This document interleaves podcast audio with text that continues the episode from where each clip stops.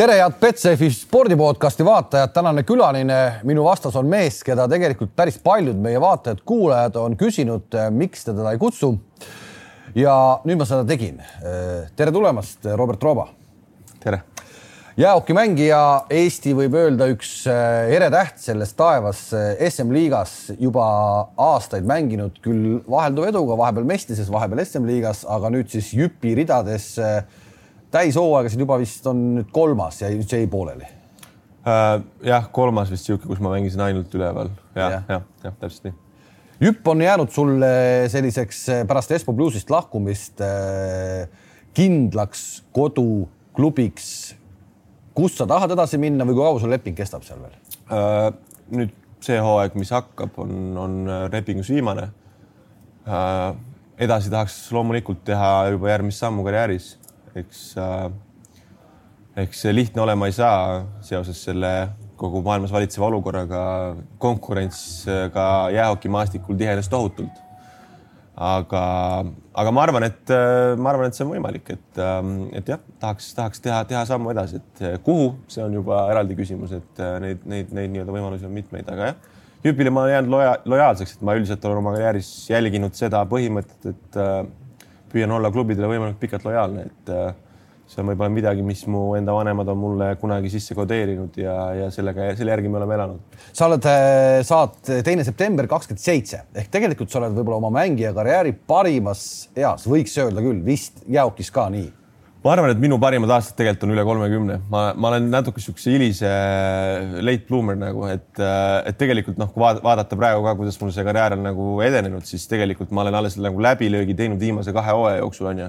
ja noh, vanuses kakskümmend viis kuni kakskümmend kuus on ju, mis, mis tegelikult noh, või võib nagu osades, osades, osades, osades mõõdupuudes öelda, et hilja nagu aga noh, ma, ma olen olnud nagu kogu aeg teadlik, et ma ei ole see vend, kes kaheksateist aastat tuleb, lööb äh, liiga ukse lahti ja hakkab paugutama seal nagu ma ei tea, Šaša Barkov või keegi selline, kes, kes nüüd on juba NHL-i staar.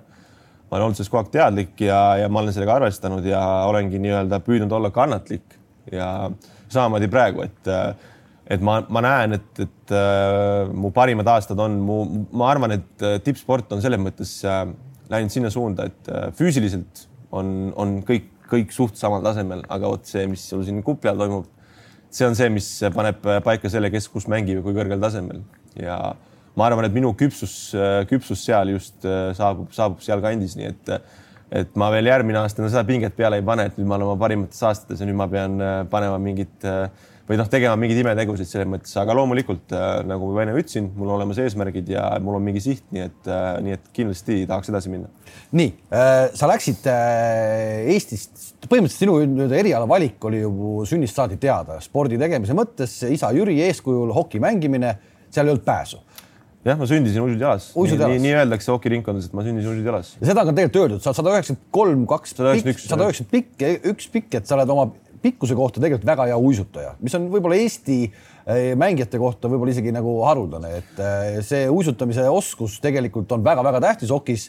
me ei räägi lihtsalt uisutamisest mm., me räägime hästi uisutamisest, see tuleb sul hästi välja. noh, see on tõesti, see on tegelikult äh, ma arvan, et see on üks asi, millega ma olen nagu ennast nii kaugele suutnud üldse viia, et äh, ma arvan, et äh, või noh, mitte ma ei arva, vaid ma tean praegusel hetkel, kuhu suunas jäähoki on minemas, jäähoki on mänguna muutumas järjest kiiremaks ja kiiremaks ja kiiremaks NHL-ist on igasugused kaklejad ära kadunud, sellepärast et nende lihtsalt oskused ei olnud piisavad, et mängida seda mängu, mis, mida see praegu nõuab, onju. no korra segan vahele, korraks, Kaspar Aitis on öelnud, et sündis väga õigel ajal, ehk ta sattus mängima hokit täpselt sellel ajal, kui temasugune mees suutis hokit mängida, täna enam ei suudaks. no ma, ma olen mänginud Kaspar Aitise vastu Leedu MM-il, kui ta esindas Leedut esimest korda, noh ta mängis. siis ta oli nelikümmend viis ka juba. jah, ta mängis kaks vahetust, teine vahetus oli see, kui ma lõin värava nende vastu ja pärast seda ta istus pingil ja üritas ainult äh, mind äh, nii-öelda äh, äh, suuga rivist välja viia. ta küll pärast mängu tuli, ütles, et kuule, sorry sõber, et ei midagi isiklikku, ma ütlesin, ma saan aru sellest, ma näen seda iga päev. see selleks, aga, aga jah, et äh, hoki on muutumas sinna suunda, et, äh, et uisutamine ja, ja see jääl liikumine on kõige tähtsam. see on noh, ma mõtlen praegu oma suvetreeningu peale, siis ma ainult keskendun sellele, et muuta jääl kiiremaks ennast. et, et selles mõttes tõesti ja tegelikult äh, see asi sai mulle selgeks mingi hetk, kui ma nii-öelda oma pikkuse täis kasvasin, ma sain aru, et äh, mul on uisutamises vaja juurde panna Äh, noh, Soome on selles mõttes hea koht, seal sellele palju keskendutakse, noortesse palju tööd tehtud, aga üks inimene, kes mind veel aitas, oli isa kunagine mängukaaslane Tartu Välgust, Leonid Filimonov, kes, kes, kes kunagi Tallexisse on siis Venemaalt, Venemaalt Eestisse kolinud ja, ja tema, tema noh, tema väga palju tegelikult aitas mind, ta, ta, tal olid vajalikud oskused, et et mind, minu seda uisu poolt nagu lihvida ja tegelikult alati, kui ma käisin Eestis, siis noh, kuna ma käisin kaugõppes Eesti koolis, siis alati, kui ma käisin Eestis, siis ma temaga käisin jää peal hommikuti, et teinekord kell seitse hommikul sai jääle mindud ja enne kooli need asjad ära tehtud, et tegelikult see oli nagu see koht, kus ma, kus noh, kindlasti ka tänu oma isale väga palju tegime mingi valiku, mis on hiljem tegelikult väga hästi ära tasunud, et jah, uisutamine on tõesti minu jaoks noh, ma, ma nagu tean, et see on see, millele ma saan loota alati, et, et selles mõttes see on alati hea asi.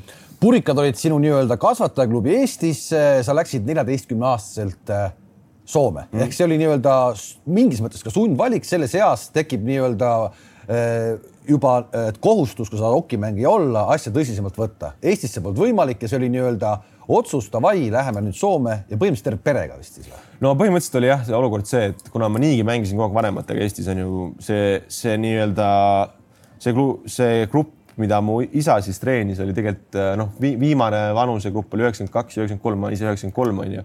ja need on need poisid, kellega koos me käisime mängimas juba Soome meistrivõistlusi, mis oli nagu Eesti hokis esim-, noh, see kunagi tegelikult ajaloos enne ka olnud, aga noh, pärast pikka aega jälle taaskord elustati selline asi, et Eesti ja Soome tegid koostööd. Äh, seal oli väga suur roll mu enda isal, kes seda asja, seda projekti nagu vedas, noh, Lema loomulikult kindlasti tema suur motivaator oligi see, et mina mängisin selles meeskonnas. Ja jah, noh, siis mingi hetk tekkis äh, Purikate see meestemeeskond, mängisime Eesti meistrivõistlustel, ma olingi kolmteist, neliteist, kui mängisime Eesti meistrivõistlustel, no mis on tegelikult absurd on ju. see on täielik absurd, mul noh, aga, aga, aga seal ma suutsin tegelikult teha ju punkte ja väravaid lüüa, mis noh, näitas seda, et tegelikult mul oli vaja leida nagu õige koht enda jaoks, samamoodi nendel teistel poistel, tegelikult nende teiste poistega kõigiga mängisime Eesti meistrivõistlustel. Ja see oligi see koht, kui kas see ei ole kaks tuhat kaheksa aasta või kaheksa jah, aasta, kui, kui tuligi see, et seal paar bussi läks Saksamaale, kes läks Lätti, kes läks Venemaale, kes läks Soome, et noh, see põhimõtteliselt sats jooksis laiali tegelikult. ja, ja noh, tegelikult äh, meie nagu algne plaan tegelikult koheselt tegelikult ei olnud ära minna, kuna ma alles äh, lõpetasin kaheksanda klassi, noh. Et, äh, et, et see on noh, mu ema on alati olnud meie peres see, kes ütleb, et kool peab olema tehtud, kool peab olema korras, hinded peavad olema head ja, ja noh, sel hetkel see tundus natukene absurdne, et ma läheksin ära. aga kuna ikkagi isa suutis selle läbi, läbi suruda, et me läksime try-out'ile Soome sinna Esposse ja, ja seal kõik läks väga edukalt ja meile anti kaks nädalat aega noh otsustada, siis ütleme, see otsustamine oli juba rohkem vanematepoolne, et ma olin see, siis veel sihukeses eas, et noh, ütleme nii, et mu käest küsiti, kas tahad või ei taha, ma ütlesin loomulikult tahan, onju. aga võib-olla see, et sa ikkagi said kohe seal try-out'il nii-öelda läbi no sellega on veel niisugune lugu no., et tegelikult ma läksin äh, alguses try-out'ile selle Espo Bluesi nagu te, nagu farm-meeskonna, teise meeskonna Just, juurde. aga said kohe? no ja, ja siis pärast esimest päeva tuli seal, siis koputas siis äh, Jukka Holdari, kes hiljem on ka Jüpis GM olnud, kes oli siis tegeles Espos noortega. koputas, et küsis, et kas te olete härra Jüri Rooba, koputas mu isa õlale, ütles, kuule, et see mees on vales kohas, et see võib-olla see ei olnudki vale, et sa sellise noore poisina meeste vahel juba mängisid, ehk et selline no, nii-öelda nii-öelda hooviokki tase või ikkagi oli olemas. no oli, no, ei no see loomulikult noh, loomulikult ja, ja, ja üldse noh, ma läksin sinna tegelikult ju seal noh, nii-öelda läksin siia teise tasemele, seal mul üldse midagi teha, see oli noh, minu jaoks oli see liiga lihtne. ma läksin järgmisele tasemele, läksin siis selle Espo Bluesi nii-öelda siis Espo ütleme parimate noorte juurde, mis Espo on tegelikult noh, ütleme üks kõige tugevamaid noorteorganisatsioone kogu Soomes on ju. ja tegelikult mul oli seal ka pärast esimest päeva, et kuule et noh, ei ole vaja muretseda, et sa saad siia meeskonna sisse, kestis kolm päeva see layout. et noh, tehke, tehke otsus ära lihtsalt, võite, võite ära minna juba Tallinnasse, kui tahate. ma ütlesin, ei, ma tahan ikka siin olla ja, ja tegelikult noh, selles mõttes jah, see näitas, et äh, et tegelikult Eestis me olime head tööd teinud selles mõttes, ma ei olnud rongist maha jäänud, samamoodi teised poisid, kes mujal läksid ju ka ei olnud, ei olnud sellest rongist maha jäänud. ja SM-liiga debüüt tegelikult, ma ütlen, et see on äh, kuidagi nagu vähe äh, Eestis kajastust leidnud te teema tegelikult mm. ehk kaheksateistkümne aastaselt mm. said kaheksateist, kui sa tegid SM-liiga debüüdi. SM-liigat ma julgen pidada kindlasti ikkagi äh, noh, no Euroopas ikkagi võtame, jätame KHL-id asjad kõrvale, SM-liiga on väga kõva liiga. no SM-liiga ongi siis Šveits, Rootsi SM-liigas, need on kolm kõige tugevamat liiget Euroopas, kui jätame KHL-i kõrvale.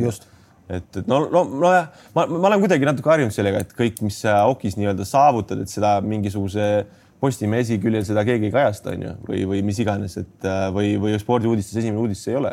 aga see on mingi reaalsus, millega me oleme pidanud elama, aga samas äh, ma olen isiklikult äh, püüdnud võimalikult suurt panustada sellesse, et see asi muutuks. et aga me, aga meenuta seda, seda just seda SM-liiga debüüti.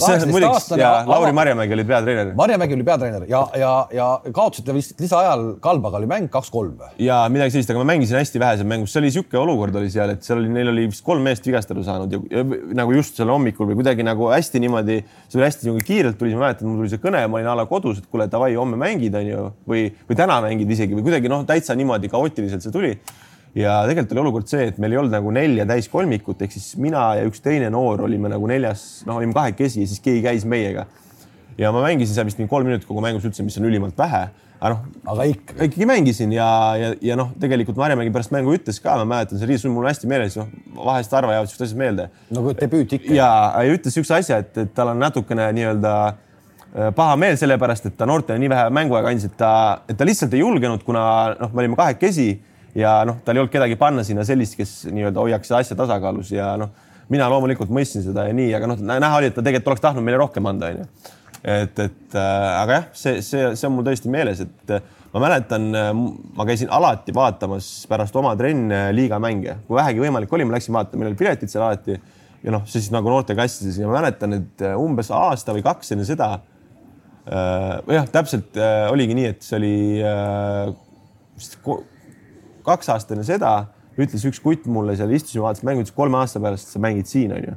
noh, see tundus nagu nii absurdne asi, et ma nagu noh, ma olin nagu kohe nagu, et noh, võimatu onju. ja siis tegelikult kahe aasta pärast ma mängisin esimest korda, noh, et see näitaski seda, et sa tegelikult sa isegi ei adunud seda, et, et nagu kuhu, noh, isegi ma ei adunud seda, et kui suur asi see tegelikult oli. kui raske on üleminek, me oleme siin rääkinud noorte korvpalluritega, kes lähevad eh, mm. erinevatesse keskkondadesse, sa läksid eh, neljateistkümneselt Soome. Mm.. et ta tundub nagu olevat ikkagi meiega nagu suhteliselt sarnane kultuur, aga no mul oli tegelikult see, et vaata, isa tuli kaasa, et isa, noh, isa Eestis võttis, ütles oma töökohad kõik üles ja tuli minuga kaasa, ema jäi Eestisse. Äh, see oli kõigepealt noh, see oli väga suur asi, ma neljateistaastaselt üksi elama minna kuhugi või mis iganes, see oleks olnud noh, ütleme, see oleks katastroof olnud.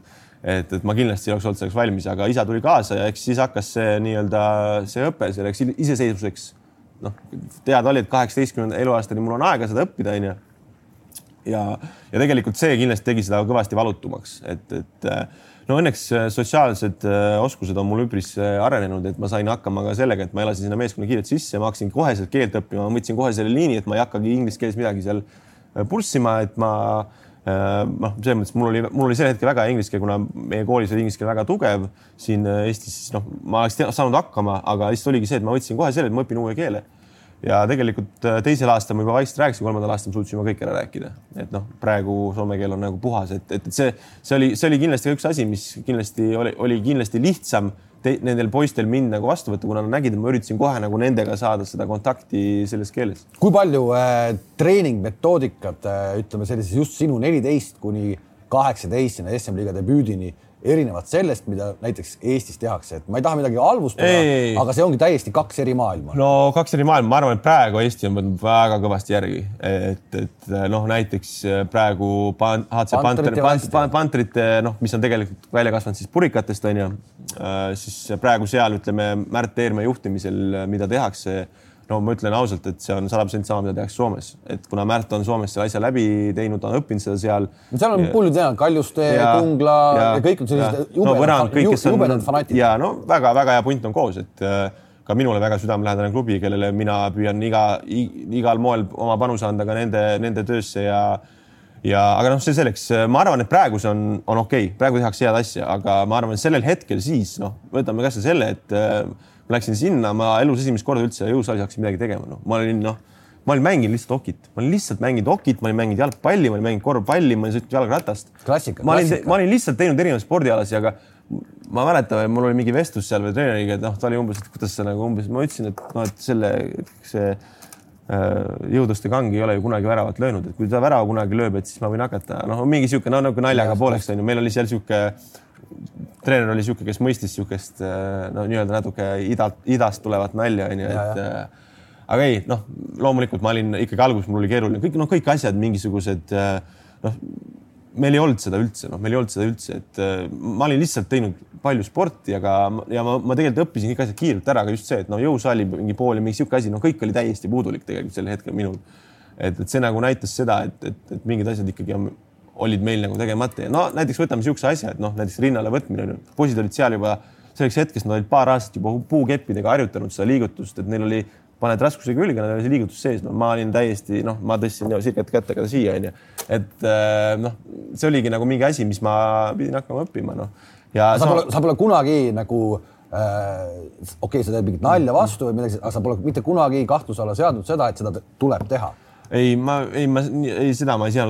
vaata, mul oli nagu see, et mul oli isatreener Eestis ja see on nagu sihuke asi, siis sa nagu õpid selle ära, et, et seda treeneri asja sa nagu ei sea kahtluse alla. sa tead, et see treeneri sõna on see, mis maksab, sa usud seda ja noh, see kuidagi mul, mul on väga harve juhuseid karjääri jooksul, kui ma üldse olen nagu treeneriga kuidagi nagu raksu läinud või vastu ütelnud või, või, või kuidagi et, et kui ma kellegi peale kurjaks saan, siis ma, see on, see olen mina ise, ise, et, et, et, ähm, et selles mõttes jah, ma, ma, ma ei kahelnud, ma, ma uskusin sellesse ja, ja noh, ma pidin ka uskuma, et see Soome oli see tee, mida me olime valinud ja, ja noh, mul oli vaja tõestada endale ja ka mingil määral teistele, et see toimib. see, mis juhtus Espo Bluesiga, kas see korraks äh, tekitas olukorra, et su tee jääb Soomes katki ka? Espo Blues läks ju laiali. no ma ütlen ausalt, et see oli üldse niisugune noh, igas asjas on midagi head, ütleme nii, et äh, hiljem oleme korraks ka rääkinud sellest, et võib-olla Espo plussist oleks pidanud üldse varem tegema sammu kuhugi mujale, kas siis saame allapoole näiteks Mestise tasemele.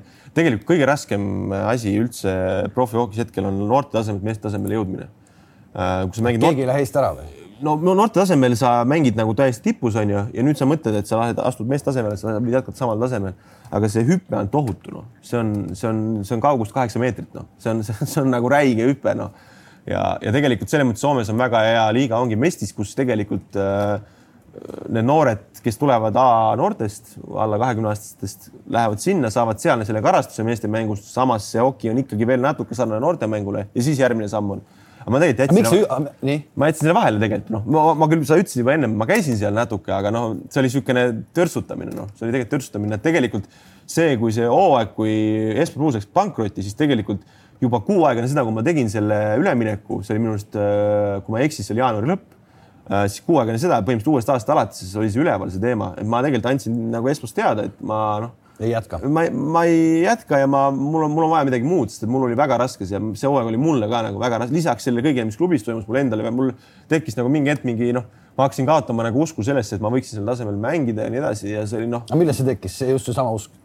No see, no ilmselt see ikkagi sellest, et ma, ma olin nagu oodanud endalt mingisugust läbilööki sellel tasemel ja seda ei olnud nagu tulnud ja see ei olnud isegi nagu lähedal, et et noh, see roll oli kindlasti väga väike, mis mul seal meeskonnas ikkagi oli endiselt ja, ja noh, seda nagu kasvu ei, ei olnud õieti näha ja ja kuidagi mul ikkagi noh, jäi niisugune mulje, et see treener võib-olla ka ei uskunud nii väga minusse, kui või siis noh, võib-olla siis pigem võib öelda nii, et meie nagu nägemused sellest, milline mängija ma, ma võiksin olla, olid nii erinevad, et, et noh, seda oli nagu mõttetu isegi nagu ta, tema nagu nägi no. minus mingit neljanda viisiku sellist äh, nii-öelda grinderit või sellist, äh, sellist meest, kes ainult käib ja lõhub mängu ja teeb teistele ruumi aga ma ikkagi nägin seda, et ma teadsin, milline mängija ma sa peaks olema selline nii-öelda iseloomustuse järgi loov suur mängija, kes ja. loob teistele, teistele nii-öelda. ja, ja samas on, samas on hea väravalööja. see on tegelikult hea, täpselt, see on ja. see, mis ma olen olnud lapsest peale, see on see et see suurus on nagu mingil määral mulle natukene nagu noh, ühelt poolt see on tore asi, see on väga suurepärane asi, et ma olen suur, teiselt, teiselt poolt see on jällegi see, et mind pannakse automaatselt mingisse kasti, onju.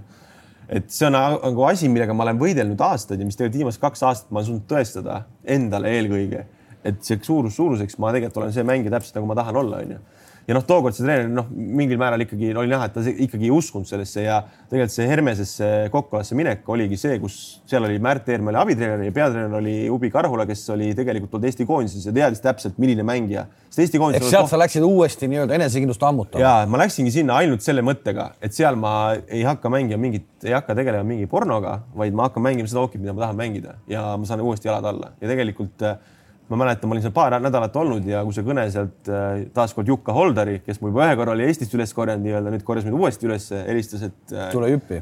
tule hüppi, siis see oli tegelikult õnnistus, noh, et, et ma, ma noh, selles mõttes see küsimus oli ennem, et äh, kas ma arvasin, mu tee SM-liigas on katki, siis ma tegelikult olin arvestanud sellega, et selle Hermese hooajal pärast seda ma veel mängin mõned hooajad kuskil niisugusel madalamal tasemel või lähen Euroopasse üldse mingit, mingit teist, et see, see nagu Jüpi Jüpi nii-öelda kõne oli ikkagi üllatus. kaks tuhat kuusteist äh, Jüpis, Jüpi minek ja see oli enne jõule mm.. härra nimega Lasse Uusivirda äh, tegi sind päris katki mm.. ehk et see on, kas see on su karjääri kõige jubedam vigastus uh,? ilmselt küll jah, ilmselt küll, see oli. kirjelda natukene. ma mäletan, see oli, mängisime enamust, noh powerplay'd on ju viis, viis nelja vastu, ma olin, ma olin playmaker'i koha peal. ja siis sind lasti juba enamasti mängima, oli ju aega, kus sind ei lastud üldse. ja no see, aga see oligi, ma mängisin seal Mestis, no seal tegelikult oligi vaata Jüpis oli see süsteem, et seal oli äh, Jüpp ja Jüpp Akadeemias, Jüpp mängis äh, Eesti liigas äh,. Akadeemia jäi Mestis siis? Mestis siis ja no väga niisugune süsteem oli, et nendele mängijatele siis kes äh, ei saanud piisavalt mängida oma rollis, said käia mängimas nagu Mestis, see oli tegelikult nagu igati nagu hea süsteem nagu.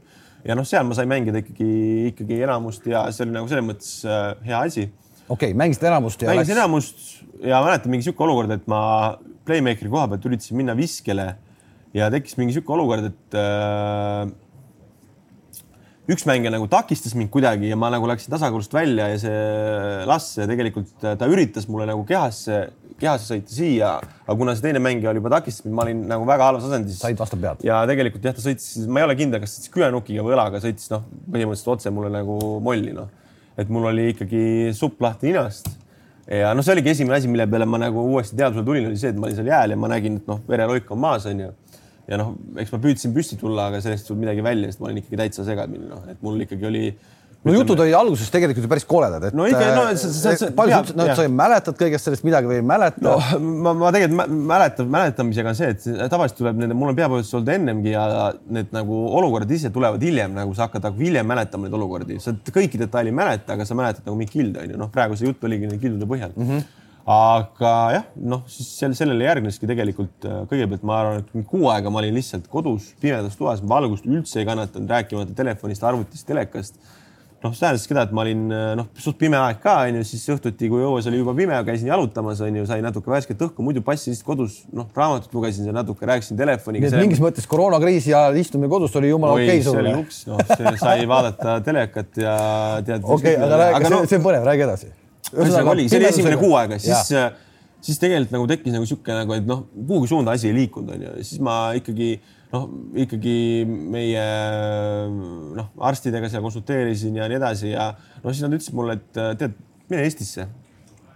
et, et mine, ole nagu perega, vaata, saad natuke suhelda inimestega nii ja naa, vaata muidu siis noh, mingi hetk ma käisin nagu jäähallis vahepeal seal meeskonnakaaslastega külas, aga kõik see, kui sa oled siin jäähallis, seal on sul muusika kõvasti, seal on sul valgus, kõik, kõik on ebamugav. ma ei saa, mulle ei meeldinud see. et ma tulingi Eestisse, tulin pere juurde, vanemate juurde, olin siin rahulikult, tead, noh, põhimõtteliselt olingi nagu sihuke, et no okay,, nagu kuidagi ei olnud enam ma kuulasin vahepeal meie mänge lihtsalt äh, tele äh,, raadios tähendab, kuna raadios kantakse ka liigamänge üle. ja see oligi kogu nagu kokkupuude jaokiga sel hetkel. ja ma mäletan, ma käisin siin mitme spetsialisti juures äh,, alates kiropraktikust kuni nõelravini, proovisin kõike, mis võimalik oli. no ma ei, ma ei, ma ei tea, kas otseselt äh, need asjad aitasid, aga mingi hetk mul hakkas natuke paremaks minema. mul noh, põhimõtteliselt need peavalud ja see tundlikkus valguse vastu hakkas ära kaduma ma läksin tagasi, siis oli, ma arvan, üks sihuke kaks kuud. Äh, no peaaegu kaks kuud. no kui sa kõike seda räägid, kui, kui raske see nagu oli, siis see nii-öelda tagasitulek tegelikult läks ju alla nelja kuu ja sa olid jääl tagasi. ja, ja panid, panid kohe värava ka. ja see oli jah, see oli tõesti tegelikult äh, see oli noh, väga suurepärane, ma mäletan tegelikult ikkagi mingil hetkel ma olin päris põhjas omadega, sest et sa ikkagi hakkasid mõtlema, et kas ongi kõik nagu,. kas ongi kõik, kõik, no kas nagu siuksed nõmedad asjad, et kas ongi kõik, sest et. Neid näiteid on ju sadu maailmas. ja sest et tegelikult vaata, sa saad mingi a la sul läheb äh, noh, ma ei tea, põlve ristsidemed lähevad, sa tead täpselt, sul võib arst öelda kuu, kuu täpsusega, kui täpselt sul aega läheb, et sa oled tagasi onju ja kõik oleneb sinust. aga nüüd ma lihtsalt ei saa mitte midagi teha onju põhimõtteliselt sa istud kodus, juba lihased hakkavad äh, kärbuma ja sa mitte midagi teha, noh. ja tegelikult nojah, aga mul oli ikkagi endal tekkis ikkagi siis, kui mul hakkas natuke paremaks minema, mul tekkis niisugune positiivsuse niisugune see, et noh, et ei ole hullu. ma läksin tagasi, mul tehti väga põhjalikud äh, neuroloogilised ja neuropsühholoogilised testid, kus siis kontrolliti kõik äh, mu alates mu mälust kuni noh, igast äh, koordinatsiooni kõigeni. ja need tegelikult näitasid väga häid tulemusi siis, kui oli kaks ja pool kuud sellest möödas ja see oli see koht, kui ma sain loa nagu uuesti treenima hakata no siis ma käisin jää peal põhimõtteliselt kõigiga, kellega võimalik oli, et saada ennast jälle nii-öelda vormi. ma mäletan, ma käisin seal äh, nii A-noortega kui, kui selle Mestisega kui liigaga ja, ja no esimene mäng oli Mestises, ma mäletan, kui ma mängisin, lõin värava ja tegelikult kohe samal nädalal anti mulle võimalus liigas mängida ja ma lõin ka siis värava, et see oli tegelikult, äh, see oli nagu see koht, kui ma selle asja nagu seljatasin. ehk see oli su nii-öelda teine karjääri algus, võiks öelda. no mingil määral küll, mingil määral küll no,, kui, kui meeletult, mitte, kui mitte kolmas no,. meeletult, meeletult super hea tunne, kui sa ikkagi ära lõid seal, kasvõi seal liigas kohe. jaa, see oli tõesti, see oli tõesti hea, sest et see hooaeg oli muidu ka raske olnud, et see alguses seal just see, et sa temmeldasid seal Mestise liiga vahel, siis see peapõrutus asi et äh, eks see on võib-olla see minu puhul olnudki niisugune asi, et ma olen niisugune või meie nagu mentaliteet, me isaga ütleme, ongi see, et me lähme kasvõi seinast läbi, kui vaja, et, et me nagu noh, ei, ei ole olemas seda, et ei ole lahendust, alati on lahendus, et, et see ongi see, et mingisugune niisugune põhimõte. sa räägid täna seda, seda vigastuse juttu mm. natukene nagu läbi mälupiltide mm.. see tähendab seda, et sa pole seda videost hiljem ära vaada, järgi vaadanud? ei, ma ei, ma ei, mingi põhimõtte pärast ma ei hakanud seda vaatama, et mul ei ole vaja seda otseselt endale mällu nagu selle video, seda. Ma, ma arvan, et seal see, see, see video pealt isegi võib-olla ei näe nii jube välja, kui see tegelikult nagu see pauk oli. tegelikult pea on meil nii õrn asi, et see pauk, pauk võib olla palju väiksem ja lihtsalt tuleb õige koha peale ja. kas Lasse Uusivirda on äh su Facebooki sõprade nimistus või, või kuidas sellise, sellise asjaga on? tead, ma, ma tegelikult Lasset tunnen juba Espost. ta oli siis just, kui mina tõusin A-noortesse, tema oli seal viimast aastat, ta läks minust poole hooaja pealt ära. noh, me, me ikkagi, me tunneme teineteist ja tegelikult tuli pärast mängu kohe sealt Berit Ruumi äh,. ütles sorry ja nii edasi, väga noh, selles mõttes ta oli ja kirjutas mulle veel hiljem äh, sõnumeid, asju, küsis, kuidas sul läheb ja nii edasi, et selles mõttes äh, no, no okay. hard feeling absoluutselt see, selle asjaga on, oli kõik okei okay ja ja tegelikult see on üldse hokis väga selline asi, et äh, alati, kui siuksed asjad juhtuvad, siis vastasmängijate vaheline respekt on olnud, nagu Soomes just eriti on olnud, olnud alati seda näha olnud ja ja, ja alati, alati olid isegi mõned korrad on olnud, olnud mingeid olukordi mängus, kui oled näinud, et vastane pärast mingit sinu äh,, mingit sinu olukorda läheb ära näiteks mingi vigastusega, siis, siis ma olen ka alati pidanud hoole sellest, et vähemalt minu hea sõna jõuab temani, kas siis läbi sõnumi, kas siis läbi kellegi teise või, või mis iganes, et. kui tihti sa neid sõnumeid saatma pead? No õnneks mitte väga tihti, et, äh, et, et äh, noh, mõned üksikkorrad on tulnud ette ometi me ju teame hokist äh, lugusid, kus mängijatel on turvamehed justkui nii-öelda väljakul. see küll vist, ma ei tea, kas SM-liigas ka on või ei ole? no ütleme nii, et meil, meil oli niisugune mees nagu Nolan Jonkman oli aastaid Jüpis, kes tegelikult oli mingil määral see turvamees, aga, aga tegelikult üle-eelmisel hooajal, mis oli tema viimane hooaeg, kadus, oli näha, kadus ära see, et, et enne seda oli näha, kui tema mängis, siis vastas käitus meiega ühtemoodi, oli mäng, kui ta ei mänginud siis vastas kõik lambendasid, lambendasid kohe, jah. et, et oligi see, et sa teadsid, et sul on see vend seal, kes, et sa pead oma tegude eest vastutama, onju. nüüd seda ei ole, aga noh, nagu ma ütlesin, lihtsalt ongi tekkinud see olukord, et äh, turvamehed, turvamehed ei jõua järgi. ei jõua järgi ja, ja vastupidi, niisuguseid mehi, kes üldse tegelevad mingisuguse jamaga seal jää peal, on vähe, väga väheks jäänud, sest et noh, niisuguseid tüüpe, kes oskavad samal ajal mängida ja siis samal ajal mingisuguse jamaga tegeleda, on vähe üksikuid on, aga, aga noh, üldises pildis äh, on, on neid vähe et.... või teine situatsioon, et kui me, vile antakse, mäng läheb lahti, kindad lähevad käest ära ja kõik hakkavad andma. Neid on seda, ka olnud. seda no, ei. no SM-liigas mitte. ei, ei, ma arvan, et NHL-is ka me seda enam ei näe, et, et see on, need ajad on möödas. loomulikult äh, spordiromantikuna mingil määral okei okay, kahju, aga teistpidi äh, Jaaki profina minu arust suurepärane, see on tegelikult äh, praegu võid leida, ma arvan, üks sihuke viis dokumentaalfilmi nendest NHL-i kaklejatest ja nende elust pärast jäähokit ja noh, seal ei ole midagi kaunist, see on üpris masendav, mis, mis, mis olukorras või mis elu nad üldse elasid, selle, mida tähendas olla üldsegi nagu see kakleja, et, et noh, inimeste jaoks tõesti see on äge ja seda vaadata, aga tegelikult mina sportlasena näen ikkagi seda poolt, mida see sportlane on tundnud ja noh see ei ole normaalne, see ei ole normaalne ja, ja ma arvan, et, et äh, see on tore, et me oleme jõudnud sinna punkti, kus see, see asi on kadunud jaokist ja jaoki on muutunud niisuguseks mänguks, kus ikkagi mängijad, ka, ka mängijate turvalisus on tähtis.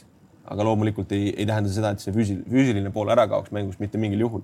me endiselt näeme, kuidas, kui sa ikkagi pea maas usutad, kuidas sind üles leitakse seal jää peal, aga just see, et see, see, see kaoks ära, see, see tahtlik haiget tegemine, tahtlik mängija vigastamine, et see austus mängijate vahel kasvaks see on nagu see, kuhu me oleme jõudnud. sa ütlesid, sa videot ei vaadanud, eh, mingi ebausk ja kõik asjad, sa, sa oled päris palju sorry, et ma puudutan seda teemat, aga, aga suhteliselt palju huvitavaid. see on teadlik valik, kui sa neid teed huvitavaid joonistusi on sul siin peal, ühte ma loen võitja, et, et mis see tähendab? tead, see on üks esimesi, mis ma üldse tegin. see oli võib-olla mingi sihuke asi, mis äh, mul oli vaja, et endasse mingit sellist äh, tead eneseusku või sellist jah, nagu usku endasse. et et ma mingil hetkel nagu, ma sain aru, et võib-olla pärast neid asju ka, et ma sain aru, et, et, et nagu, et nagu läbi lüüa selles asjas, sa peadki olema nagu võitja, sa pead kõiges lihtsalt võitma. isegi kui sa vahepeal kaotad, siis sa pead pärast seda kohe võitma ja samamoodi ei ole ainult võitmine see, et sa võidad mingit mängu, võitmine ongi see, et sa suudad mingist vigastusest tagasi tulla suudad mingisugused raskemad perioodid oma elus või oma sportlaskarjääris üle, üle nii-öelda nendest olla ja ja see võib-olla lihtsalt tähistabki minu jaoks mingit äh, mingit sellist äh, äh, ultimaatset kohta, kuhu ma tahan jõuda siis, kui ma kunagi uisud varra riputan, et kui ma, kui ma selle otsuse kunagi teen, siis selleks hetkeks see ongi noh, põhimõtteliselt siin on mu sünni, sünnikuupäev on ju ja siin on see, kuhu ma tahan, noh, kuhu ma siis mingi hetk äh, tahan või ilmselt ka jõuan. Et.... ometi, ometi võitnud sa tegelikult ju jäähokimängijana mm., põhimõtteliselt me räägime lihtsalt sellest, et võitnud. Mm.. sa oled ju võitnud tegelikult võib-olla isegi rohkem kui mõni palju kuulsam mees, ehk sa oled mm. meistrite liiga võitja hokis, seda tiitlit võib-olla noh, nii suureks ei peeta kui jalgpallis, aga oleme, aga oleme ausad. Äh, sellise sarja võitmine Jüpiga, see oli ikkagi suur asi. no väga suur asi, väga suur asi ja see oli noh, kindlasti praegust karjääri tagasi vaata, siis just meeskondlikul tasemel kindlasti kõige suurem asi, et see oli noh, kogu see koge kogemus iseenesest ja see, et neid mänge Eestis üle kanti ja kõik see kogu see kompott kokku oli ikkagi äge, noh, see ei, ma mõtlen just sportlasena ka, sa, oled, no, sa oledki no,, sa oledki saanud endale kuldmedali ka. jaa, absoluutselt just. ja, ja noh, ikkagi tegelikult äh, noh, see sarja nii-öelda haip ei ole veel suur, aga sarja nagu tase on tegelikult tohutult hea kui KHL välja jätta, siis kõik Euroopa parimad olid seal ja sellel aastal me olime parimad neist kõigist, et et see noh. Kui, kui, kui erinev, et see on meistrite liiga teil mängu eel see ettevalmistus, sest et ütleme, SM-liigas te mängite ju kogu aeg samade meeskondadega, teate mm -hmm. põhimõtteliselt kõike, mis on. selles meistrite liigas, see on ikkagi rahvusvaheline, seal on hoopis teised satsid vastas, hoopis teise kultuuriga võib-olla kohati.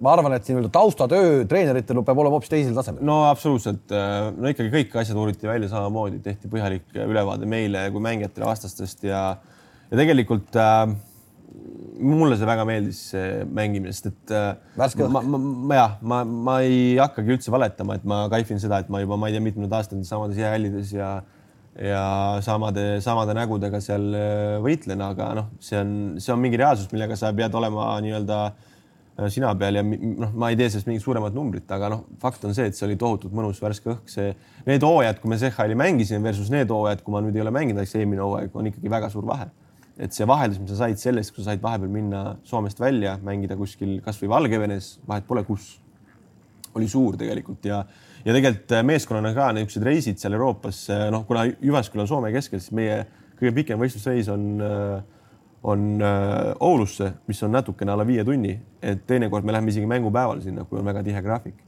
et, et, et noh, põhimõtteliselt meie reisid on lühikesed, mis tähendab seda, et meeskonnaga niisugune hotellis koos aja veetmine ja reisida koos aja veetmine suht väike. Et no see... ilmselt ma arvan, mingid eh, KHL-i satsid jälle ütlevad vastupidi, et kurat. liiga palju, absoluutselt, aga see, see meistrite liiga oligi see, kus me saime tegelikult tohutult eh, väärtuslikke aega, väärtuslikku aega veeta koos meeskonnaga ja seda oli tegelikult näha ka eh, meeskonna sellises ühtses sulandumises, et, et need olid tegelikult väga head reisid äh Jüpiga Soome meistriks tulek ilmselt, ma arvan, et see noh, ei saa, ei tohi öelda, aga, aga see ilmselt on keeruline ikkagi, see on keeruline olukord uh,. ja see on noh, selles mõttes ma olen alati olnud realist, et ma mingit, äh, mingite roosade pillidega asju ei vaata üldiselt, et uh, kindlasti väga keeruline. meil pärast seda CHL-i hooaega tegelikult noh, kuna me ikkagi koduliigas piisavalt hästi läbi ei löönud, siis hakkasid toimuma suured muutused klubis ja need muutused tegelikult on toimunud selle suveni et nüüd on põhimõtteliselt see veri seal välja vahetatud, onju. Äh, sel hetkel ma olin veel meeskonnas nii-öelda noore staatuses, nüüd ma olen juba ühtäkki vana staatuses, onju. Äh, nüüd on nagu see, kui treenerid, äh, treener helistab mulle suvel kolm korda ja räägib. arutab minu, teemat. ja arutab teemat, onju, mitte ta ei helista, et kuule, noor, tule trenni, onju, et hakkame liivamäge jooksma, vaid arutab minuga teemat, onju see ongi väga suur muutus mulle, see on, see on see aeg, mida ma olen väga oodanud. nüüd on see, see, see, see, nüüd on see käes. ja, ja see on nagu see koht, kus ma tunnen ennast nagu noh, see on nagu minu see sõiduvesi, et, et, et see, kui ma, mul on nagu alati see meeldib, kui ma tunnen äh, treeneri usaldust. ma leian, et need on need kohad, kus ma olen endast, enda, enda parimat mängu mänginud. miks ma olen seda tohutult palju isaga arutanud, et miks ma alati mängin oma parimad mängud Eesti koondise eest.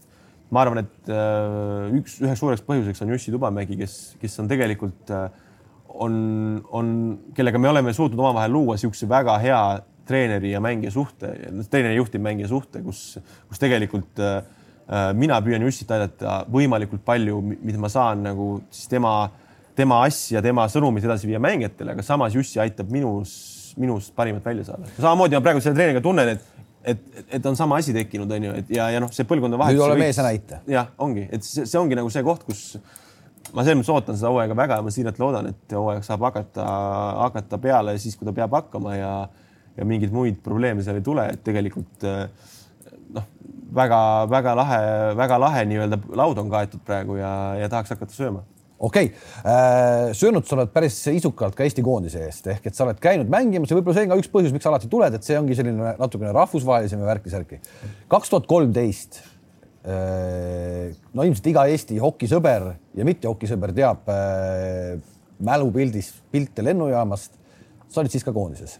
olin küll, jah. kas see oli Eesti jäähoki kõige madalam mudaseis üldse, mis, mis sel hetkel oli? ma arvan küll, ma arvan, et see oli see see oli see koht, mida oli, määral seda oli vaja, vaja., see oli nagu see äratuskell, et kuule, et nüüd on vaja see asi, see, see kelk teistpidi pöörata ja tagasi mäest üles lükata. et, et me oleme nii kõvasti seda mäge alla kündnud, et, et see on nagu noh, me oleme nagu täiesti seal põhjamudas. No seleta, kuidas see käis siis, mismoodi see, mis no, no see, see, see, see noh, ma olin tead, ma olin, ma olin see hetk veel nii noor, naiivne, ma nagu ei. sa olid siis üheksateist vist või? midagi sellist, ma, ma isegi ei osanud seda nagu seal nagu selle turniiri ajal nii väga, ma nägin ainult seda, kui noh kuidagi, ma isegi võib-olla ütleks, et see Eesti hokimängijana sel hetkel see võib-olla isegi see, et seal keegi kerge, kergelt uniste silmade ja pohmas peaga kuhugi trenni hommikul tuli, et see nüüd ei olnud mingisugune number või asi, vaata.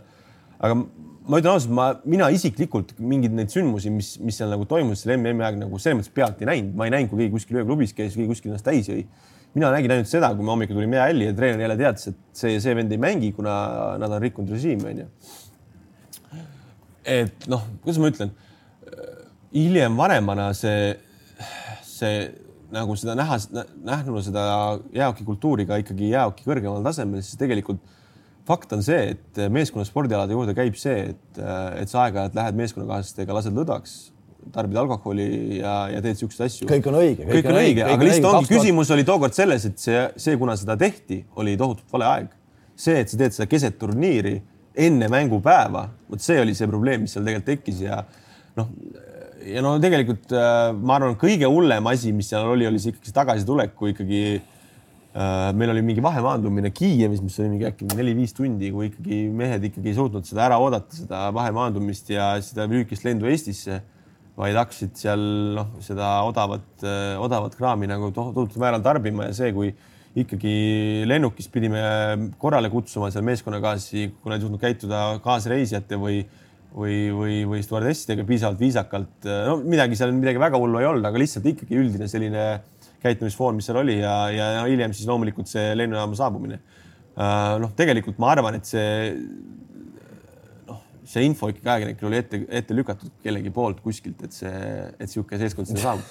see tõenäosus, et, et ajakirjanikud ise selle ära aistsid, see on noh, et mängijates keegi selle noh, et see ikkagi, aga noh, see selleks, ma arvan, et see inimene, kes selle info noh, nii-öelda ette sööstis, tegi mingil määral teene ikkagi, et nagu me seda juttu alustasime, siis. Äh, seda oli vaja kaks aastat varem oli ju tegelikult Soome koondis tulnud maailmameistriks ja Nurmisen Pasi äh, Eh, kuulus ilmaveivi lennukitrepilt eh, on võtnud miljoneid vaatajaid, ma arvan, seda ei vaata tegelikult ju keegi pahasti. ei see ongi see vahe. maailmameistrid tulid, siis sellel päeval on see lubatud. võib-olla, võib-olla päris vahe. selline maandumine trepilt eh, võib-olla mitte, lihtsalt mehele endale lihtsalt ohtlik on ju, aga põhimõtteliselt ma arvan, et see Soome ühiskonnas liiga palju sellist äh, arutelu ei tekitanud. no see no, kogu see oligi see, et me olime seal turniiril tegelikult viimaseks jäänud ja seal olid eelnevalt olnud need probleemid, on ju, ja siis kulminatsioon lihtsalt see, kuidas selline saabumine, keegi seal magas seal kuskil trepi peal ja kes noh. et noh, fakt on see, et me siin oleme naernud sõpradega küll selle, selle üle, kuidas äh, ma andsin intervjuud seal üheksateist aastasel, mul olid prillid ees ja nii edasi, noh, prillid oli tegelikult, see oli nagu tööõnnetus, ma nagu kuidagi unustasin ette aga see. jutt läks kohe käima. ja no kohe hakkasid nagu jutud, et ise olid samasugune ja nii edasi, no fakt on see, et ma ei olnud, noh, ma, ma, ma poleks suutnud oma, omaenda isale otsa vaadata lennujaamas, kui ma oleks niisuguses seisus sinna tulnud, onju. et, et no fakt on see, et jah, et see, see ei olnud normaalne, mis seal toimus ja seda kõike oli vaja. ja see, et, et, et seda kuskilt sketšisaadetes pärast järgi tehti ja see kõik, mis nagu noh okei okay,, see on, see on elu, see on, no, on nii. fakt on see, et igasugune kuulsus on, tuleb lõpuks kasuks, et mingi hetk oligi see, et kõik teadsid ikkagi Eesti hokit, teati negatiivses foonis, aga nüüd on see, et, et see, see asi tegelikult on hakatud ümber pöörama ja nüüd inimesed ikkagi vähe mäletavad seda ja rohkem mäletavad seda, mis praegu viimastel aastatel on toimunud.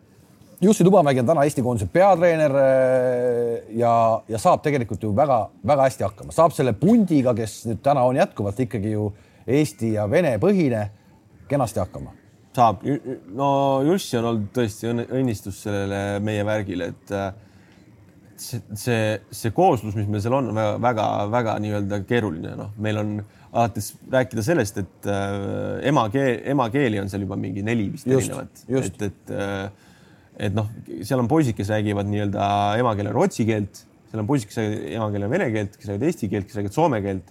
et noh, meil on nii-öelda väliseestlasi omajagu seal, aga samas üks asi meid ühendab, on see, et meil kõigis, kõigis voolab Eesti veri. Ja see on nagu see asi, mille, mida Jussi on suutnud väga hästi selgeks teha. Ja tegelikult ma arvan, et see, see, see meeskonna hing ja see, see, see miljöö ja see õhkkond, mis, mis, mis, mille Jussi on suutnud luua sinna, on, on, on nagu tohutult hea. Ja, ja tegelikult ma arvan, et need viimased aastad, mis, mis, mis me oleme mänginud äh, äh, nagu selles esimese divisjoni B-grupis nüüd äh, siis me oleme mänginud iga aasta ikkagi oma maksimumi välja, et, et on vähe olnud niisuguseid turniire, kus me võime pärast turniiri öelda, et ikkagi ei olnud hea turniir.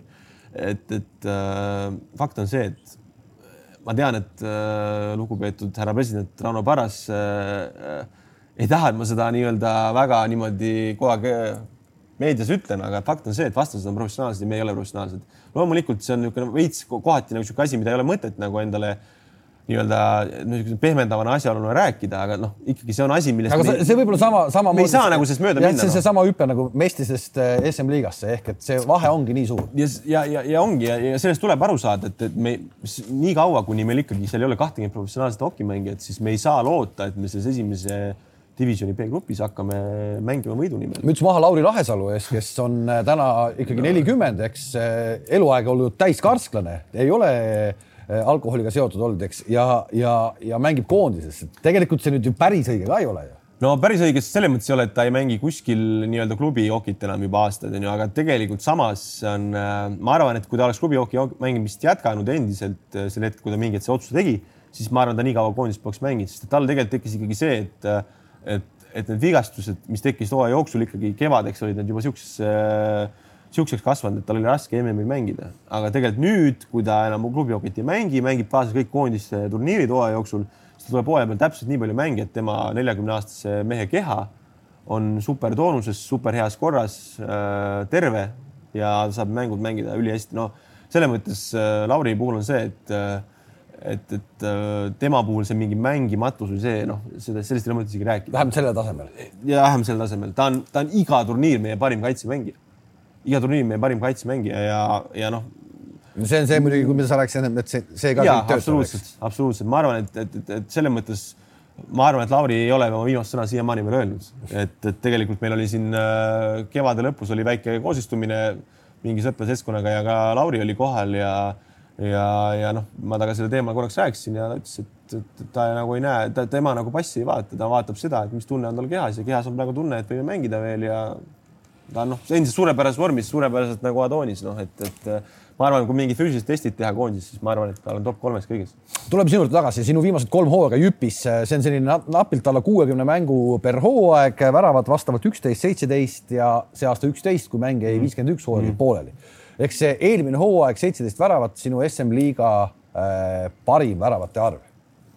ja see oli, see oli tõesti, ma ütlen ausalt, et äh, ma isegi võib-olla ise ei oodanud seda nagu ma võib-olla võisin seda nagu mõelda ja loota, aga ma alguses kuidagi, siis kui ma nagu hakkasin neid väravaid lööma kohe hooaja alguses, ma, mul see eneseusk kasvas nii, et ma tegelikult ikkagi väga sihtisin seda kahtekümmet väravat ja mul oli tegelikult ikkagi endal ikkagi pettumus, kui ma seda kahtekümmet täis ei saanud. hooaja lõpus, kui meil vahetus treener tuli äh, Risto Tuhva sinna treeneriks, siis tegelikult noh, tema ikkagi seda nooremate mängijate rolli ikkagi kahandas niivõrd palju, et see, see mu roll ka nagu selgelt taandus ja siis mul tuli veel mingi vigastus, mis noh, tegelikult selle natukene nagu selle mu tee sinna kahekümne värava, mis on nagu öeldakse liigas selline noh, ütleme selline asi, mis, mida sa võid pärast nagu endale ette näidata, ette näidata, et see natuke kahju, et see, see nagu jäi, jäi nii, aga, aga samas noh, see oli jällegi see, kui ma on see siis kakskümmend väravat, kakskümmend söötu ehk nelikümmend punkti kuidagi niimoodi ka või see ei ole see? no see söödud on, söötuse puhul ma arvan, et seal juba peame natuke suuremast numbrist okay. rääkima, et kuna iga värava puhul võib olla kaks, kaks söötu, kaks söötu on ju, aga, aga väravate puhul just, et see, aga no ütleme, üle viieteistkümne on tegelikult ikkagi kõva sõna, et et, et noh, ma, ma, ma olin ikkagi ise väga-väga rahul sellega. okei okay,, eelmine aasta ma noh, natuke ikkagi jäi sellest puudu, aga no samas eelmine aasta ma suutsin nii-öelda selle teise poole ehk siis selle sööturu poole viia uuele tasemele onju ja, ja, ja noh, üks asi, mis tegelikult, mida ma olin juba aastaid nii-öelda jahtinud, oli see, et mul oleks see pluss-miinus näitaja plussi poolel. see ei, see ei räägi mingit äh,, mingisugust äh, lõplikku tõde, aga see näitab seda, kui mitmekülgne mängija sa oled, onju, ja, ja mu eesmärk eelmine hooaeg oli mitmekülgsemaks muutuda. plussi peale see läks. ja plussi peale see läks ja, ja tugevalt. see oli vist ainult, see oli vist ka ju seni ainukene hooaeg. muidu oli miinuse peal. jah, absoluutselt, et, et, et see on üks asi, millega sa saad endale võita juurde mänguaega, kui sa oled piisavalt usaldusväärne mängija väljakul, siis sa saad juurde mänguaega, mis tähendab seda, et sa saad juurde võimalust väravaid lüüa. nüüd, kui sa oled, just hetk tagasi ütlesid, et treeneri nii-öelda üks usaldusisikuid kellega ümber midagi tege tegema hakatakse, see tähendab seda, et kas sa oled jüpis nüüd äh, äh, algviisiku mees? seda, seda on raske öelda, ma ei, ma ei, ma ei oskagi öelda, kuidas need viisikud toimima hakkavad. Äh, tead, äh, ausalt öeldes ma ütleks nii, et kui sa oled esimeses kahes kolmikus, siis ei ole vahet, siis ei ole vahet, sa mängid tead sama palju, see on põhimõtteliselt see mänguaeg jaguneb nii, esimesed kaks kolmikut mängivad. eks su mänguminutite aeg võiks olla per mäng selline. no ma, ma usun, et see võiks olla niisugune kuusteist, seitseteist. isegi nii jah? jah, praegu see on olnud niisugune neliteist, viisteist on ju, aga noh kui sa võtad hooaja peale, siis sul tuleb tund aega rohkem mänguaega, see on päris pikk aeg jää peal olla, onju. et, et äh, ma, ma, ma nagu noh, ma, ma usun, et see, see võiks see hooaeg minna sinnapoole, jah. ja see hooaeg, kui see nüüd hakkab, on see nii-öelda kahekümne värava see on endiselt, see on endiselt eesmärk, see on endiselt kindel eesmärk, et, äh, et äh, võib-olla eelmine hooaeg, mis üks, üks asi veel seda mu nii-öelda kärpis, oli see, et meil tegelikult Julius Nättineni näol tekkis niisugune mees, kes noh, kes võitis kogu liiga väravate börsi ja kes, kes nagu noh, kui oli mingi värava löömise olukord, siis kõik vaatasid talle otsa, onju aga sellest eelmine hooaeg, kui ma olin meeskonnas kõige rohkem väravad löönud, ma olin seitseteist väravat, siis olin mina see mees. see Nätineni tulek selles mõttes äh, tegi ka sinu söötmis, söödunumbrid paremaks. kui palju te koos saite jääl olla? no mitte väga palju, me mängisime, mängisime eraldi ja, ja. ma, ma, ma mängisin enamasti koos seal, seal teiste meestega, et, et äh, noh ma, ma arvan, et see on, see on ka nagu niisugune asi, et kuna nüüd Nätinen liikus edasi, siis ma arvan, et äh, kindlasti mul on võimalik võtta nagu mingil määral astuda nendesse saabastesse, nendesse tohutult suurtesse viiskümmend seitse number äh, Nike'desse. aga veits põnev ka ju. no veits põnev ka loomulikult, et, äh, et aga, aga noh, igasugune selline, selline väl, igasugused väljakutsed on tegelikult põnevad, noh, et äh, et aga jah, aga ma arvan, et samas on seal, meil on, meil on hangitud see aasta päris kõvasid noori prospekte, et, et seal on noh, ma arvan, seal on niisuguseid mehi, kes, keda me tulevikus äh, tead, istume siin, joome õlut ja vaatame sealt telekast. kui palju üldse Jüpi Akadeemia peale toodab oma põhisatsile äh,? äh ütleme praegu sealt ikkagi, ma arvan, selleks hooajaks meil tuleb sealt üks kolm-neli kutti tuleb, tuleb. noortest peale ja iseasi, kui palju nad mängida saavad, aga, aga Jüpis noortetöö on nüüd tegelikult päris heal tasemel, see on päris heal tasemel Äh, noh, see aasta meestesatsi meil ikkagi kas kaks või kolm meest ikkagi noort meest on ju võeti, võeti mujalt. Äh, Brad Lambert, kes öeldakse, et on praegu nagu oma vanustesse üle maailma üldse nagu top kolm, kui, kui mitte nagu täiesti kõige kõvem okay, aga nimetame need prospektid ära, keda me. Brad Lambert, siis äh, Puistola, kes on siis Pasi Puistola endise Soome hokilegendi poeg ja ütleme, seal oli keegi kolmas oli veel meil, kes sinna tuli. praegu täielik lühis. no okei okay,, siis meil on niisugune mees nagu Antoni Honga, kes on juba draft itud ja kes on nagu Jyvaskyla enda kasvandik ja kes, kellelt on juba oodatud seda, seda hooaega nagu. et, et no ma arvan, nemad on kolm niisugust noort, kes, kes, kes järgmine hooaeg hakkavad nagu suurt rolli kandma ja, ja kelle peale palju loodetakse. meil on, meil tuli veel niisuguseid noori sinna, kes, kellel on tohutu potentsiaal, kes ei ole seda võib-olla veel nii-öelda välja näidanud ja noh, ma arvan, et nad mingil määral ikkagi mängivad ka järgmine hooaeg, kuna meie, kuna see Jüpp Akadeemia kui selline kadus ära ja praegu Jüpi nii-öelda see farmklubi või see on, on Keuba, Keuru, Keuru meeskond, mis on siis meist, no meile kõige lähedam Mestise meeskond okay.. et, et siis äh, tegelikult noh. ehk noored... Akadeemia enam ei mängi Mestist? akadeemia ei mängi Mestist, kuna see oli majanduslikult äh, niivõrd äh, miinusprojekt, siis äh, Jüpi omanike ring tegi otsuse, et äh, lihtsam on teha koostööleping mõne, mõni Mestises oleva satsiga, kui, kui üleval hoida seda, seda akadeemia asja, et et ma arvan, et see ei olnud halb otsus, kui, kuigi see, see oli ka mulle mingi koht, kus ma sain mängida, siis tegelikult lõppkokkuvõttes praegu sama hästi välja mängida. kui sa ütlesid, me peame ikkagi mm. natuke rahast ka rääkima mm., et see on eh, ikkagi huvitav teema ja tegelikult, kui Soome meediat lugeda, siis eh, Soome hokimängijate rahadest räägitakse no ikkagi palju mm.. Eh, Jogerite minek, näiteks Jogerid läksid SM-liigast minema, see viis päris pull iseenesest, ta viis palk, keskmist palka numbrit alla vaata et isegi kümme tuhat eurot mängija kohta. jah, sest Jogerite, pal ja, Jogerite palgad olid no kõige kõvemad no.. jah, Jogerid maksid viimasel SM aastal vist äkki palgaraha neli, neli, neli koma neli, neli koma viis miljonit eurot mm Äh, see Jogerite minek tekitas tegelikult ju Soomes palju kära, et äh, kas see on õige, kas see on vale. täna on, kas Jogerid on täna selline superklubi, kuhu Soome noored või kasvõi sina, ma ei tea, äh, et tahate minna? Minu jaoks küll, minu jaoks küll, ma olen, ma, mina nagu seda poliitikat selle KHI taga, see on olemas, ma tean, et see on olemas seal, aga ma ei, ma ei viitsi seda vaadata, ma, ma nagu ei, ma ei näe, ma ei saa aru sellest probleemist, noh, kui täitsa aus olla et, et noh okay,. ma olen sinuga ühel lainel, ma olen sinuga ühel lainel. räägitakse nagu jah. sellest, et selle Putin jubedalt mõjutab nüüd midagi Soomes, no ma ei tea, ma ei, ma ei näe neid mõjutusi väga kuskil, et äh, mina näen ainult seda, et äh, Soome kui valitsev jäähoki maailmameister on ainult sellest võitnud, et äh, neil on olemas klubi nagu Jogerid. Sa võtadki selle, kus Marko Antila on teinud niisuguse tõusu, et ta üldse üks tasemel mängija võiks olla, nagu ta praegu on, siis see on Jogerid. et selles mõttes loomulikult kui räägime liigast endast, siis liiga ikkagi kaotas sellest joogist ära, läks ikkagi väga värvikas meeskond, suur klubi, suured palgad, alati väga huvitavad treenerid, alati väga huvitavad äh, välismängijad. jah, see, see oli tõesti kaotus liigale, aga samas see, et Soomes Helsingis on võimalik näha iga nädal põhimõtteliselt äh, täielik Euroopa tipp, mis mängijaid, mis noh, Venemaal ütleme neid mängijaid, mis sinna tuleb mängima ja ja üldse see, et Soome enda mängijad saavad selle väljundi, ma arvan, et keskmine Soome mängija, isegi kui ta tasemelt võiks KHL-is mängida, siis tema jaoks ikkagi Venemaale minek on raske. isegi kui see palganumbri tuleb üks-null juurde, siis ta peab mõtlema seitse korda üles, sest et tema jaoks on. ta, ta, ta, ta ei, ta ei kujuta ette seda, kuidas seal hakkama saab seda ma imestangi tegelikult, kui ma vaatan neid Soome mängijaid, kes, neid on ju tegelikult hästi palju, noh mm., suhteliselt palju ikkagi Soome nimesid mm. erinevates seal äh, KHL-i satsides mm., et nad ikkagi lähevad no ikka lähevad ja, aga no paljud ei koguvad hoogu kaua, noh, ma tean, et neid pakkumisi laual on ikkagi palju rohkem kui neid, kes ikkagi lõpuks seal on. no Komarovil oli lihtne otsus. no samamoodi, ma arvan, et mul saab sama lihtne olema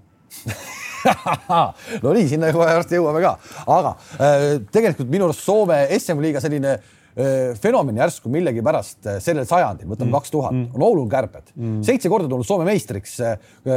seal pidi juhtuma midagi ju selgelt ka rahastuses, ehk et kui me võtame täna top viiest, kui Korbikoski on võib-olla enim teeniv mm. Tepsi mängija, eks, kuigi on vist vigastatud pikalt mm., onju, siis top viies on ju tegelikult neid kärbede mängijaid kolm tükki kui see, no kui, kui see andmed on õiged, aga enam-vähem.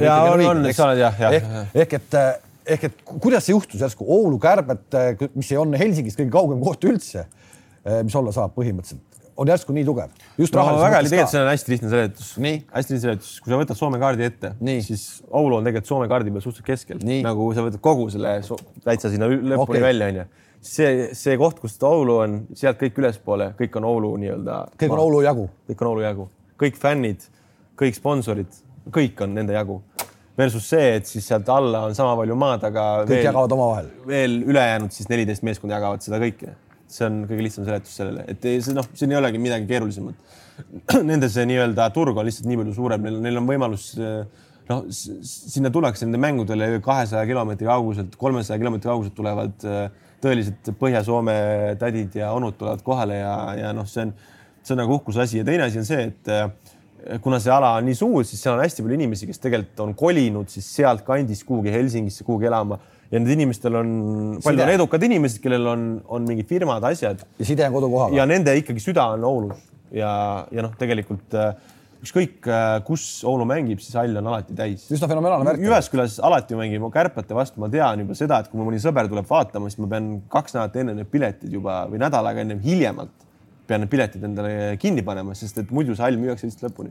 ehk ta on nagu populaarsem sats veel tegelikult Soomes kui Jogerid omal ajal ja kindlasti ja ma arvan, praegu ongi noh, Helsingi HFK ja, ja Kärpat on need satsid, kus nad lähevad ükskõik kuhu mängima, siis tegelikult hallid on, on müüdud. aga see, aga see ikkagi juhtus ju sellel sajandil ehk ja. eelmine meistritiitel oli kaheksakümmend neli, kui ma mälu ei peta. no see, see ikkagi tegelikult oligi see, kui nad tõusid sealt mestisest, hakkasid seda asja ehitama.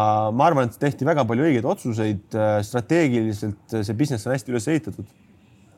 ja oma noortetoodang on väga hea olnud äh, see noh, ütleme see, et palju ikkagi sealt nagu mängijad on läinud hiljem KHL-i, NHL-i, see kõik tähendab klubi jaoks raha. ja, ja noh, kindlasti nendest rahadest on palju kasu olnud ja, ja loomulikult siis need sponsorite rahad, et see, see asi on nagu väga hästi üles ehitatud ja noh, ikkagi see, et nad on nende suurte investeeringutega siis noh, palgates kalleid mängijaid, häid mängijaid, on suutnud ikkagi ka võita tähendab seda automaatselt, et noh, võib-olla see, mis praegu vastupidiselt siis näiteks võtame Helsingi on ju, nad on ka teinud investeeringuid, aga nad pole suutnud seda nagu realiseerida võitude näol, siis tegelikult nendel on ka head majanduslikud seisud, aga pole nii hea, ongi täpselt see vahe, et Oulu on suutnud realiseerida võitudeks selle kõik ja sealt see raha tuleb nagu teistpidi tagasi. Jussi Jokinen, Janne Pesonen, need on niisugused nimed, mida ilmselt kõik, kõik teavad, nad on kärbed mehed. Noh. Jah, see on päris äge, minule endale see on väga meeldinud, et, et neil on raha niisuguseid mehi palgata, sest et ma saan nende vastu mängida, et, et, et noh, ma NHL-is küll pole mänginud, aga ma olen mänginud väga paljude mängijate mäng vastu, kes on NHL-is eelneval hooajal näiteks mänginud, et noh, Jussi Jokinen on väga hea näide. Äh, Soome hokimeeste keskmine palk, ütleme, kui enne kui Jogerid olid, oli kuskil kaheksakümmend aastas. Äh, nüüd on see kuskil seitsekümmend, seitsekümmend viis, võib öelda nii mm.. ma ei tea, kas see koroonakriis nüüd väga palju mõjutab ka? no mõjutab, mõjutab, mõjutab ikka. Kõik, kõikidel meeskondadel oli palga ikkagi langetus järgmiseks soojaks, et äh.... sa olid kohe nõus? no kohe ma kindlasti ei olnud nõus, et see alg-, esimene protsent, mis meile pakuti, oli ikkagi noh, massiivne. no kui palju pakuti? esimene oli kakskümmend, kakskümmend viis protsenti kogu eelmise hooaja palgast, noh see summa on metsik, ütleme nii. Et, et aga noh, loomulikult äh, nii ju läbirääkimised käivadki, keegi sulle ei paku kohe esimesena seda kõige paremat varianti, et äh, alustati sellest, aga mingi hetk me jõudsime ikkagi äh, ikkagi äh, normaalse, normaalse, normaalsete numbriteni ja, ja, ja ma arvan, et see reaalsus, kus, kus meie nii-öelda huvid kohtusid, oli normaalne, et. on see kuidagi niimoodi, et teil on satsist sees oma mingi mängijate punt, kus te arutate asja? no tegelikult see oli jah nii, et äh,. et meil, meil on noh, igal meeskonnal formaat see Whatsappi grupp on ju, kus on niisugune üldine. tegelikult me tegime nüüd koroona ajal me tegime Zoomi kõnesid palju nagu kogu siis selle pundiga aga samas meil oli selline viiemeheline grupp, kuhu ka mina kuulusin, kes me nagu seda püüdsime seda juhtida, seda noh. ametiühing et noh, need nooremad mehed, ütleme, no neil ei ole väga aimu sellest, mis see üldse tähendab ja nii ja no, no loomulikult see on nagu noh, me juhtisime läbi, läbirääkimised tegelikult ikkagi need nii, niite tõmmati ikkagi agendid ja nii edasi, et kuna klubi ikkagi pidas läbirääkimisi otse mängijatega, aga tegelikult ikkagi noh, kõik ikkagi toimub lõppkokkuvõttes läbi agentide. kes sinu agent täna on? Äh, ma kuulun äh, sellisesse firmasse nagu Acme Sports, mis nüüd just eile osteti ära ühe, ühe Põhja-Ameerika suurima äh, agency poolt, et ma ei mäleta seda, mis see lõplik nimi nüüd olema saab seal, aga noh, ma olen nüüd samas agentuuris, kus Austin Matthews ja Connor McDavid, et oh. päris hea, aga no Soomes on, Soomes on, on kaks kõige paremat agentuuri ja ma olen ühes neist, et see oli ka tegelikult, mul oli, mul oli, ma olin ühes väga väikses agentuuris ja mingi hetk ma noh, viisakalt äh, astusin välja sealt ja panin nii-öelda õnged vette ja läbi ühe mängija, kellega ma kunagi koos olin mänginud, ma teadsin, et ta on ühes agentuuris, ma täpselt ei teadnud, kus, ma võtsin temaga ühendust, ütlesin, et kuule, et ma otsiks endale, otsin endale uut agenti ja nii ja ütles, et äh, väga tore, et ma panen info liikvele ja, ja sellest läkski mingi nädal aega mööda, kui selle äh, selle agentuuri, kus ma praegu olen, siis äh, üks bossidest mulle helistas, ütles, et äh, ma kuulsin, et, äh, et, et sa otsid, otsid endale uut agentuuri ja uut agenti ja, ja ma olen väga huvitatud sellest. Ja noh, mis oli muidugi väga-väga positiivne üllatus, et, et, et selles mõttes ma arvan, et, et, et see oli nagu jällegi niisugune koht, kus sa tundsid, et sind on märgatud, keegi näeb su potentsiaali ja, ja noh see tippspordimaailm on nii karm, et ilma hea agendita sa lõpuks ikkagi kuhugi ei jõua. et, et, et selles mõttes see on, on olnud minu jaoks ka väga-väga hea asi, et ma, ma seal agentuuris olen ja, ja, ja ma arvan, et et, et kunagi ühel päeval kindlasti see veel tasub kor-, noh, ütleme väga suurelt ära, et, et ma, et ma, et ma nii, nii, nii heas seltskonnas olen see Soome tippmängijate palgad aastas seal on kolmsada kolmsada kolmkümmend tuhat, nelisada tuhat isegi niimoodi aastas, eks, et kuidagi meil Eestis no, nelisada on, on, on pigem harv, see oli ju see Jogerite aeg oli ja, see nelisada okay., aga ütleme siin nagu neljasaja alla on need kõige kõvemad praegu jah. jah, ehk et äh, Soomes on kuidagi, seletame selle lahti, meil on täna Eestis äh, näiteks pallimängudes hästi palju see stipendiumi jutt mm., et ei tohi maksta, vaid tuleb maksta täismaksudega. Soomes see päris nii ei ole, kas on kuidagi nii, et äh, mingi nii-öelda ur-, siis sportlase palk kuidagi eh, viiskümmend protsenti oma palgast või kuni sada tuhat eurot või kuidagi niimoodi? no ei, see on ühesõnaga tegelikult palka kui sellist makstakse ikkagi nagu täitsa normaalselt, me maksta, maksame kõik maksud kõik ja, maksud ka. ja okay. kõik asjad, seal on seal on äh, mingisuguste mingite tööjõumaksude, mingi asjadega seal säästetakse sellepärast, et need asjad jooksevad kuidagi teistmoodi, see päris samamoodi ei lähe, aga üldiselt ikkagi makstakse täiesti nagu tavalisele inimesele palka. ainuke asi, mis meil on, Soomes on niisugune asi, et äh, mängijatel on võimalus aastas kuni sada tuhat eurot investeerida siis äh, niisugustesse sportlaste fondidesse. okei okay,, nii et äh, see on nagu selline asi, et äh, põhimõtteliselt enne kui maksud maha lähevad, saad sa sada tuhat eurot äh, kõrvale panna hooaja jooksul, kuni sada tuhat eurot. loomulikult selle jaoks sa pead teenima ka nii palju. et kõike keegi ei pane, onju. aga noh, see. see on kuni sada tuhat. kuni sada tuhat jah ja., et see, et noh, see summa võib ka olla sada eurot, onju. aga see, selle nagu noh, point ongi selles, et, et kuna Soomes on siis maksuprotsent oleneb su palgast, mida kõrgem palk, seda rohkem maksu, makse maksad siis automaatselt sellega seoses sa alandad oma maksuprotsenti tegelikult ja tegelikult, kui sa võtad siis äh, kahekümne aasta lõikes, kui sa mängid professionaalina ja ütleme, oled seal selle aja jooksul kõrvale pannud seal kaks-kolmsada tuhat eurot näiteks ütleme mm -hmm., noh, räägime siis nüüd väga headest mängijatest onju siis äh, tegelikult selles sa, oled nagu samas nagu suures perspektiivis, sa oled kõvasti rohkem kätte teeninud, isegi kui see raha seal fondides ei ole kasvanud väga, vaid on näiteks, see on isegi samaks see summa. sa pääsed maksudest. sa pääsed ikkagi maksudest. ja ametlikult pääsed maksudest, keegi ei vaata pahasti. ja see ei ole nagu mingi skeemitamine, vaid see ongi lihtsalt asi, mis on mõeldud välja sportlaste jaoks, et üks asi on see, et sportlased pärast karjääri ei jääks tühja peale ja teine asi on see, et ikkagi soodustada seda, seda nii-öelda investeerimist ja seda, selle, selle raha kasvama panemist sina oled täna ikkagi üle keskmise jäähoki palka saav mängija. hetkel küll jah. üle keskmise. hetkel küll jah. veel mõned aastad tagasi seda kindlasti öelda ei saanud, aga uus leping eh, tõesti sinna, sinna kanti, noh, ma, ma täpselt seda keskmist ei tea, aga ma eeldan, et see on natuke üle keskmise. no me oleme päris pikalt ja minu arust hästi-hästi tore on sinuga jälle rääkida, et, et aga viis aastat äh, siit edasi, mis su, mis su kõige-kõige metsikum unistus on tead, äh, vot see unistuse asi on see, et ma, ma arvan, niikaua kui ma mängin ikkagi hokit, siis unistus on ikkagi NHL, nagu unistus, unistus on unistus on ju, unistada võib igast asjadest. et, et loomulikult see on, ma arvan, et see on nagu mingi sihuke asi, mis hoiab sul nagu, hoiab sul siukse, minul vähemalt pea kainena ja hoiab mind mingisugusel siuksel teel.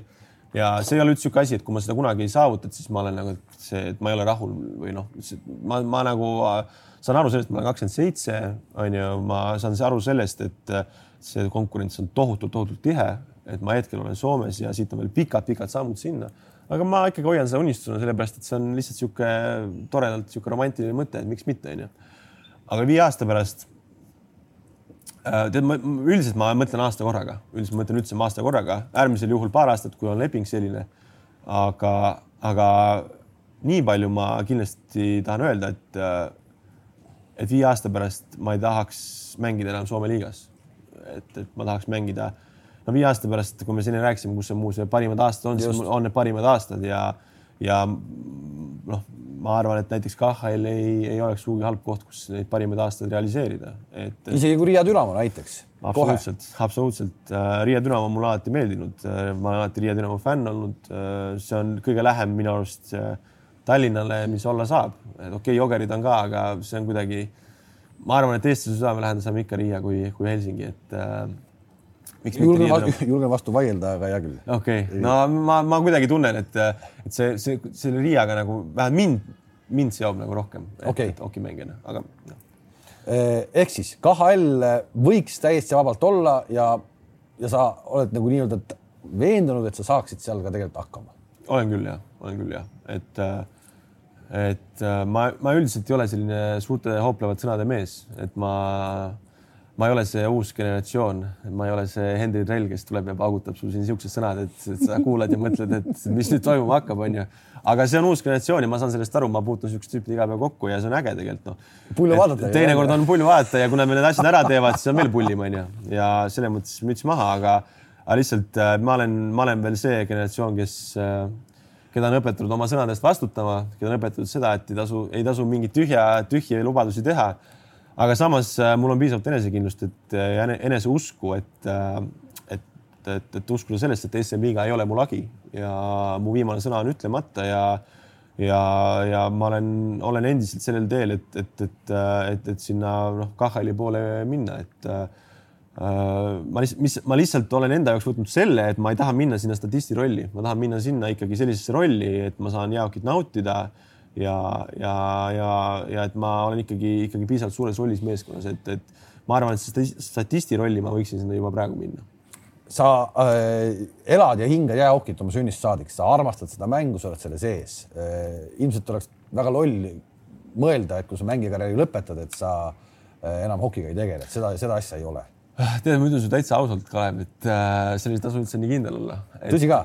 ma olen selle peale isegi mõned korrad siin äh, mõelnud ja, ja ma arvan, minu puhul võib väga vabalt olla see, et selle aja jooksul, kui ma siin äh, oma karjääris nii-öelda kõik jääokile annan, siis ma selle küünla põletan nagu lõpuni sellelt osalt, et ma ei, ma praegu ei annaks lubadust, et kui ma kunagi uisut varem riputan, et siis ma hakkan umbes, ma ei tea, Eesti Jäähoki Liidus äh, väga aktiivselt Eesti jäähokit arendama, midagi sellist. kindlasti ma mingil määral tohutu kaotus, tohutu kaotus no, no, ja ärme, ärme veel põhjapanevaid äh, asju praegu ütle, aga mis ta ütlen seda, et et see ei saa kindel olla, et ma, ma nagu sa ütlesid, ma väga intensiivselt elan seda hoki asja nagu äh, alates enda mängimisest kuni, kuni Eesti hoki eluni, kuni noh, kõigeni. mida sa teeksid siis, Raio Piiro hakkas kaluriks, mida sina no, teeksid? kala ma ei püüa veel, kuigi Hannes Anier mind äh, kutsub kogu aeg kalale, aga ma ei, kala ma ei püüa veel, ma ei tea, ma hakkan golfi mängima näiteks, ma praegu siin käin golfitrennis ka siin ja proovin, tead kuidagi seda svingi otseseks või palli otse lendama saada, aga veel ei ole